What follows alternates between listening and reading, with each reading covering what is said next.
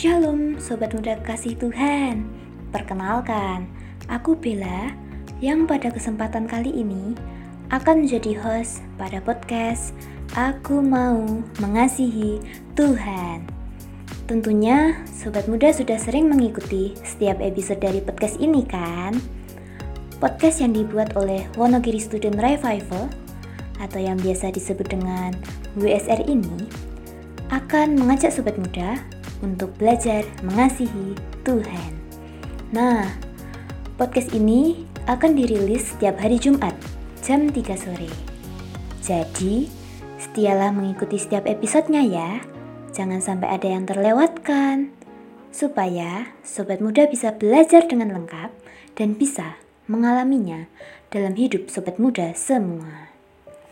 Oke sobat muda semua, sekarang kita akan ngobrol-ngobrol lewat segmen BTW, Bincang-bincang Teman Weekend.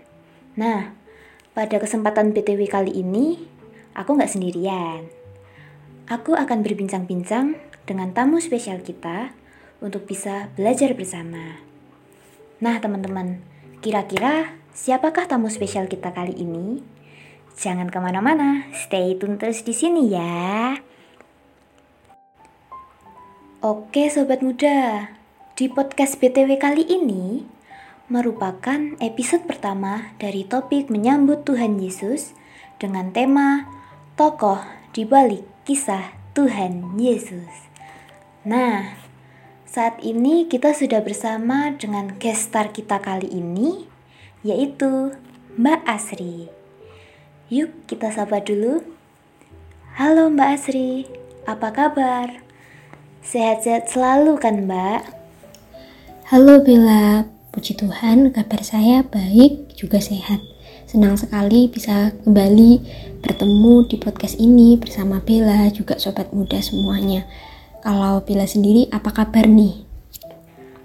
Puji Tuhan, bersyukur kabarku juga baik dan sehat Mbak Asri.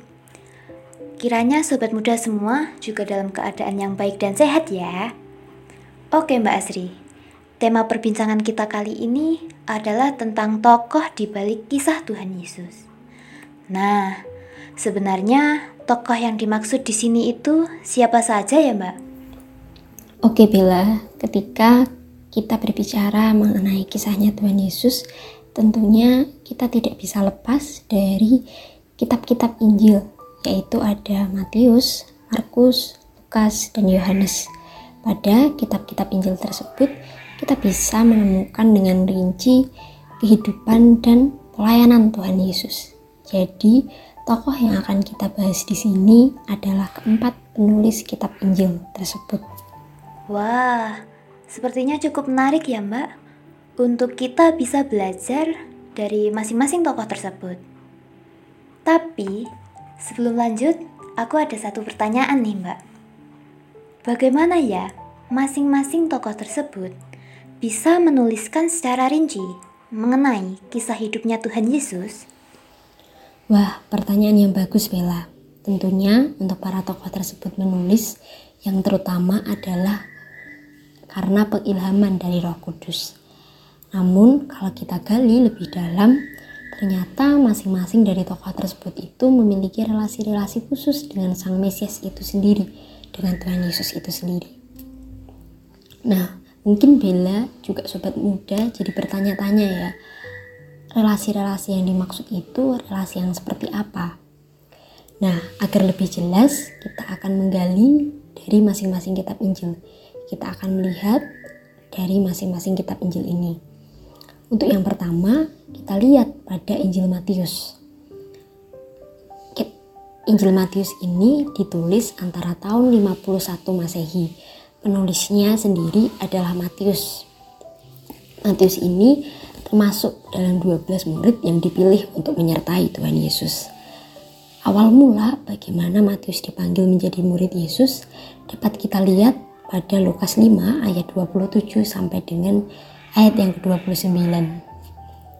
Saya bacakan, kemudian ketika Yesus pergi keluar, ia melihat seorang pemungut cukai yang bernama Lewi sedang duduk di rumah cukai. Yesus berkata kepadanya, "Ikutlah aku." Maka berdirilah Lewi dan meninggalkan segala sesuatu, lalu mengikut dia. Dan Lewi mengadakan suatu perjamuan besar untuk dia di rumahnya dan sejumlah besar pemungut cukai dan orang-orang lain turut makan bersama-sama dengan dia. Nah, dari Lukas 5 ayat 27 sampai 29 ini kita melihat bahwa Matius ternyata juga dikenal dengan sebutan Lewi. Dulunya ia adalah seorang pemungut cukai dan setelah dipanggil untuk menjadi murid Tuhan Yesus, ia meninggalkan segala sesuatu yang dimilikinya, kemudian memilih mengikut Yesus. Matius memiliki gaya kepenulisannya sendiri, di mana di Injil Matius ini Matius memfokuskan untuk menunjukkan bahwa Tuhan Yesus adalah penggenapan janji kedatangan Mesias yang ada di Perjanjian Lama. Mengapa seperti itu? Karena ternyata kitab ini sebenarnya ditujukan kepada orang dengan latar belakang Yahudi, yang mana eh, orang dengan latar belakang Yahudi ini menanti-nantikan keturunan Abraham dan janji tentang keturunan Daud yang akan menjadi raja. Tujuan dari kitab ini makin diperkuat dengan Matius yang pada penulisannya ini dia mengutip sebanyak 60 kali dari perjanjian lama. Bahkan kitab Matius ini adalah Injil yang paling banyak mengutip perjanjian lama. Wah, ternyata bisa sedalam itu ya mbak untuk satu kitab Injil saja. Lalu untuk kitab Injil lainnya, apakah memiliki fokus penulisan yang berbeda dengan Injil Matius ini ya mbak? Ya, benar sekali Bella. Jadi, kitab-kitab Injil lain juga memiliki kekasannya dalam penulisan masing-masing. Agar makin jelas, yuk kita lanjutkan untuk lihat pada Injil Markus. Kitab Markus ini ditulis oleh seseorang yang bernama Markus yang dia adalah kemenakan dari Barnabas. Ia ini dibesarkan di Yerusalem dan pada saat itu mengalami zaman pelayanan Tuhan Yesus. Walaupun Markus ini tidak mengikuti semua peristiwa Yesus, tetapi ia banyak bersama dengan Barnabas dan juga Paulus. Barnabas dan Paulus membawa Markus ke Antioquia dan bawanya pula pada perjalanan misionaris yang pertama yang tercatat dalam kisah para rasul 13 ayat 5. Saya bacakan Setiba di Salamis, mereka memberitakan firman Allah di dalam rumah-rumah ibadat orang Yahudi, dan Yohanes menyertai mereka sebagai pembantu mereka. Dari kisah para rasul 13 ayat 5 ini, uh, ternyata Markus ini juga dikenal sebagai Yohanes Markus. Dalam perjalanan misionaris pertama ini, Markus segera pulang sendirian ke Yerusalem yang mana hal itu menyebabkan perselisihan di antara Paulus dan juga Barnabas. Akhirnya Markus diajak bersama dengan Barnabas ke Siprus. Namun pada kesempatan selanjutnya ia tetap kembali melayani Paulus di Roma selama pemenjaraan terakhir Paulus. Selain dekat dengan Barnabas dan Paulus, Markus ternyata bahkan oleh Petrus dianggap sebagai anaknya sendiri. Ia dijadikan anaknya sendiri yang mana ini tertulis dalam 1 Petrus 5 ayat 13 saya bacakan. Salam kepada kamu sekalian dari kawanmu yang terpilih yang di Babylon dan juga dari Markus anakku. Dari sini kita bisa melihat bahwa sekalipun Markus tidak memiliki relasi yang dekat secara langsung dengan Tuhan Yesus, Markus ini memiliki relasi rohani yang dekat dengan Petrus yang menjadi saksi sejarah kehidupan dan pelayanan Mesias. Markus memang tidak termasuk dalam 12 murid yang menyertai Tuhan Yesus, tetapi nampaknya ia menjadi bagian dari 70 murid. Markus pun sempat menuliskan dirinya sendiri di Markus 14 ayat 51. Saya bacakan ada seorang muda yang pada waktu itu hanya memakai sehelai kain lenan untuk menutup badannya. Mengikuti dia, mereka hendak menangkapnya. Markus 14 ayat 51 ini konteksnya adalah peristiwa penangkapan Tuhan Yesus yang juga ditulis di kitab-kitab Injil lain, baik di Matius, Lukas, dan Yohanes. Namun hanya di Markus saja yang menuliskan tentang seorang muda ini, yang ternyata adalah Markus sendiri. Markus menulis kitab ini sekitar tahun 57 sampai 59 Masehi untuk orang Romawi. Dalam kitab ini, Markus tidak mencatat asal-usul Tuhan Yesus atau silsilah Tuhan Yesus, seperti yang ada di Matius dan di Lukas. Markus menulis dengan menekankan bahwa Tuhan Yesus datang sebagai hamba yang melayani sekaligus sebagai juru selamat bagi semua orang. Selanjutnya kita akan lihat pada Injil Lukas. Jadi kitab ini ditulis oleh Lukas yang berasal dari Antioquia dan Syria sehingga termasuk orang kafir atau orang non-Yahudi. Lukas memiliki jabatan sebagai tabib seperti yang dicatat dalam Kolose 4 ayat 14. Saya bacakan, salam kepadamu dari tabib Lukas yang kekasih dan dari Demas. Lukas ini menjadi teman perjalanan Paulus yang dapat dilihat di 2 Timotius 4 ayat 11. Saya bacakan, hanya Lukas yang tinggal dengan aku. Jemputlah Markus dan bawalah ia kemari karena pelayanannya penting bagiku. Selanjutnya, Lukas juga menggabungkan diri dengan Paulus di Troas sekitar tahun 51 Masehi, serta menemui Paulus dalam perjalanan misi yang kedua dan ketiga, kemudian mengikutinya dalam tahanan ke Roma. Lukas sendiri disebut menjadi kawan sekerja yang setia bagi Paulus sampai akhir. Lukas menulis dengan latar belakang dan perspektif Yunani sekitar tahun 63 sampai 68 Masehi.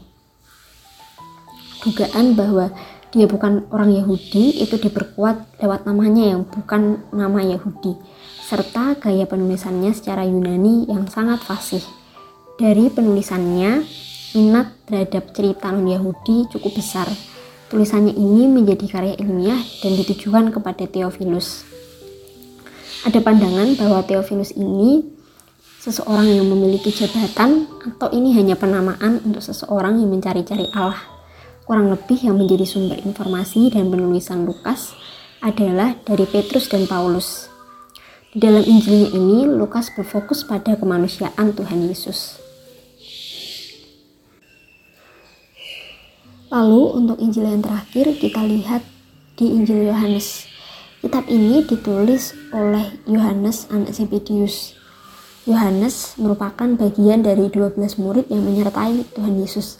Bahkan Yohanes ini secara terkhusus termasuk sebagai orang inti Tuhan Yesus yang diajak di saat-saat uh, ada peristiwa-peristiwa yang khusus. Yohanes menulis yang paling akhir sekitar tahun 85 sampai 90 Masehi. Jadi ia menulis di generasi kedua jemaat mula-mula. Keunikan dalam kitab Yohanes ini adalah Yohanes dalam penulisannya tidak mengutip dari Injil lain. Injil ini ditulis berfokus untuk melawan ajaran sesat dan menekankan pada keilahian Tuhan Yesus. Yohanes banyak menuliskan pelayanan Tuhan Yesus di Yudea, yang mana hal ini tidak ditemukan di tiga Injil lainnya, baik Matius, Markus, dan Lukas. Oke Mbak Asri, ternyata setiap Injil tadi memiliki fokus penulisannya masing-masing ya Mbak. Aku jadi bisa makin dalam nih mengenal Tuhan Yesus dengan keunikan penulisan dari masing-masing tokoh tadi. Iya, benar sekali Bella.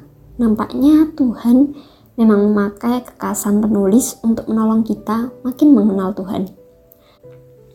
Kalau kita rangkum, tadi melalui Injil Matius, kita melihat Tuhan Yesus sebagai Mesias yang sudah lama dinantikan. Melalui Injil Markus, kita melihatnya sebagai hamba yang melayani sekaligus juru selamat untuk semua orang. Melalui Injil Lukas, kita melihat sisi kemanusiaan dari Tuhan Yesus, di mana ia turut menderita sama seperti kita manusia untuk dapat membebaskan kita dari hukuman. Dan melalui Injil Yohanes, kita melihat keilahiannya sebagai satu-satunya Tuhan dan Juru Selamat. Jadi, mari sobat muda semua, kita tetap tekun belajar melalui kitab-kitab Injil ini. karena ternyata Tuhan memakai para penulisnya dengan khas untuk kita bisa belajar tentang Tuhan Yesus.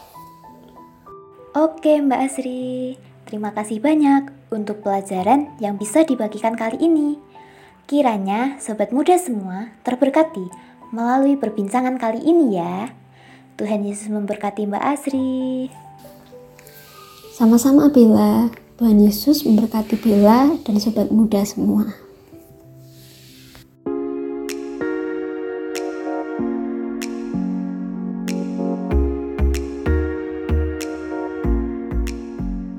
Sobat muda kekasih Tuhan, senang sekali ya. Hari ini kita bisa belajar bersama lewat bincang-bincang teman weekend. Nah, sobat muda, jangan sampai terlewatkan ya untuk mendengarkan bincang-bincang teman weekend minggu depan. Pastinya di minggu depan kita akan belajar lanjutan mengenai topik menyambut Tuhan Yesus ini. Nah, tentunya bincang-bincang di minggu depan tidak akan kalah seru nih untuk kita pelajari dan kita alami bersama. Oke, kalau ada sobat muda yang ingin berdiskusi, bertanya, atau memberi masukan, boleh loh sobat muda sampaikan lewat Instagram WSR di @westudentrevival. Oke, sekian podcast kali ini. Gabung lagi minggu depan ya. Tuhan Yesus memberkati. See you.